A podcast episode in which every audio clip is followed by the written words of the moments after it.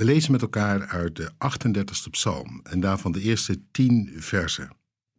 Een psalm van David, een dringend gebed.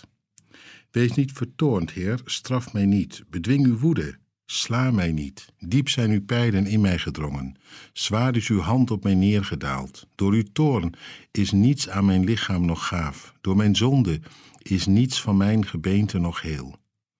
Mijn schuld steekt hoog boven mij uit, als een zware last, te zwaar om te dragen. Mijn wonden zweren en stinken vanwege mijn lichtzinnige leven. Ik loop gebogen, diep gebukt. Ik ga in het zwart gehuld, dag in dag uit. In mijn lendenen woedt de koorts, niets aan mijn lichaam is nog gaaf. Ik ben uitgeput, gebroken. Met bonzend hart schreeuw ik het uit. Heer, al mijn verlangens zijn u bekend. Mijn zuchten is voor u niet verborgen. Mijn hart gaat tekeer, mijn kracht ebt weg. Mijn ogen verliezen hun glans.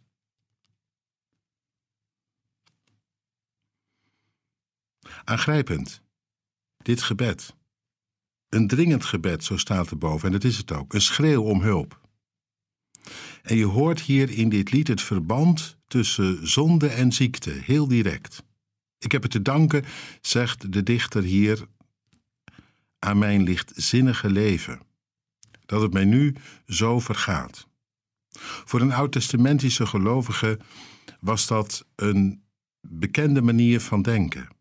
Als je losmaakte van God, je eigen gang ging, dan kwam er eigenlijk iets van scheiding. Dan raakte de zegen zoek. Dan kon het zijn dat God je overgaf aan je eigen weg en dus ook aan je eigen leven en aan allerlei kwade krachten die jouw leven konden verwoesten en vernielen.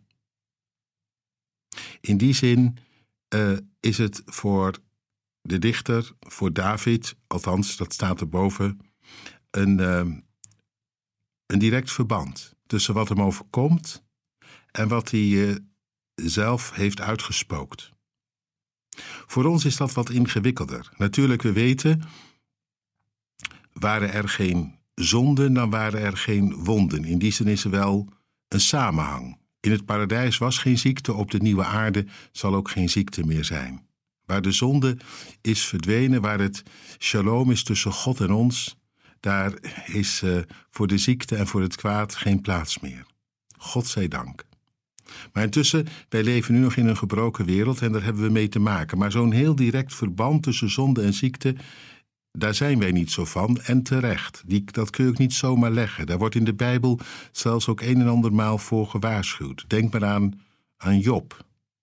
En ook aan Jezus, die zei: Pas op om zomaar te denken dat als iemand kwaad overkomt, dat hij dat te danken heeft aan zichzelf. Heel direct dan. Toch, ja, het kan natuurlijk wel dat jouw lichtzinnige leven veel schade heeft gegeven. Een verslaving of een uh, onverantwoord gedrag. Dat je dat duur komt te staan, dat je het min of meer te danken hebt aan jezelf, dat het je nu zo vergaat. Een pijnlijk gebeuren. Of ja, dat kan soms ook.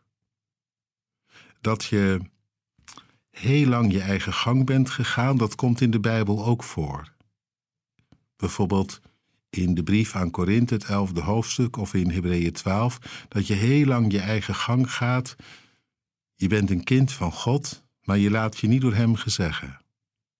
Dan kan het een keer gebeuren dat als je niet wilt horen, dat God je laat voelen, dat Hij even zijn hand aftrekt en dat je bent overgeleverd. Ja, waaraan? Het kan van alles zijn: ziekte, ongeluk, narigheid. Niet, niet om daarmee voorgoed met je af te rekenen, maar om je als het ware tot bezinning te brengen. Lewis heeft ooit gezegd: het lijden dat kan in die zin een megafoon zijn van God. Als je de fluisterstem van Hem negeert, dan door het lijden heen een roep: keer om, keer terug. Dus ja. Maar dat kan een ander nooit zomaar voor jou uitmaken. Dat kun je soms alleen voor jezelf ervaren. Als dat zo is, als je voelt ik heb het direct of indirect te danken aan mezelf. Nee, dan is dat niet einde verhaal. Integendeel, er staat hier in vers 10, we lazen het. Heer, al mijn verlangens zijn u bekend. Mijn zuchten is voor u niet verborgen. Hoe ik ook in de ellende zit, waar ik ook in verzeild ben geraakt, geraakt. Ik roep tot u. Ik roep het tot u uit. Ik smeek u, kijk naar me om. Mijn verlangen.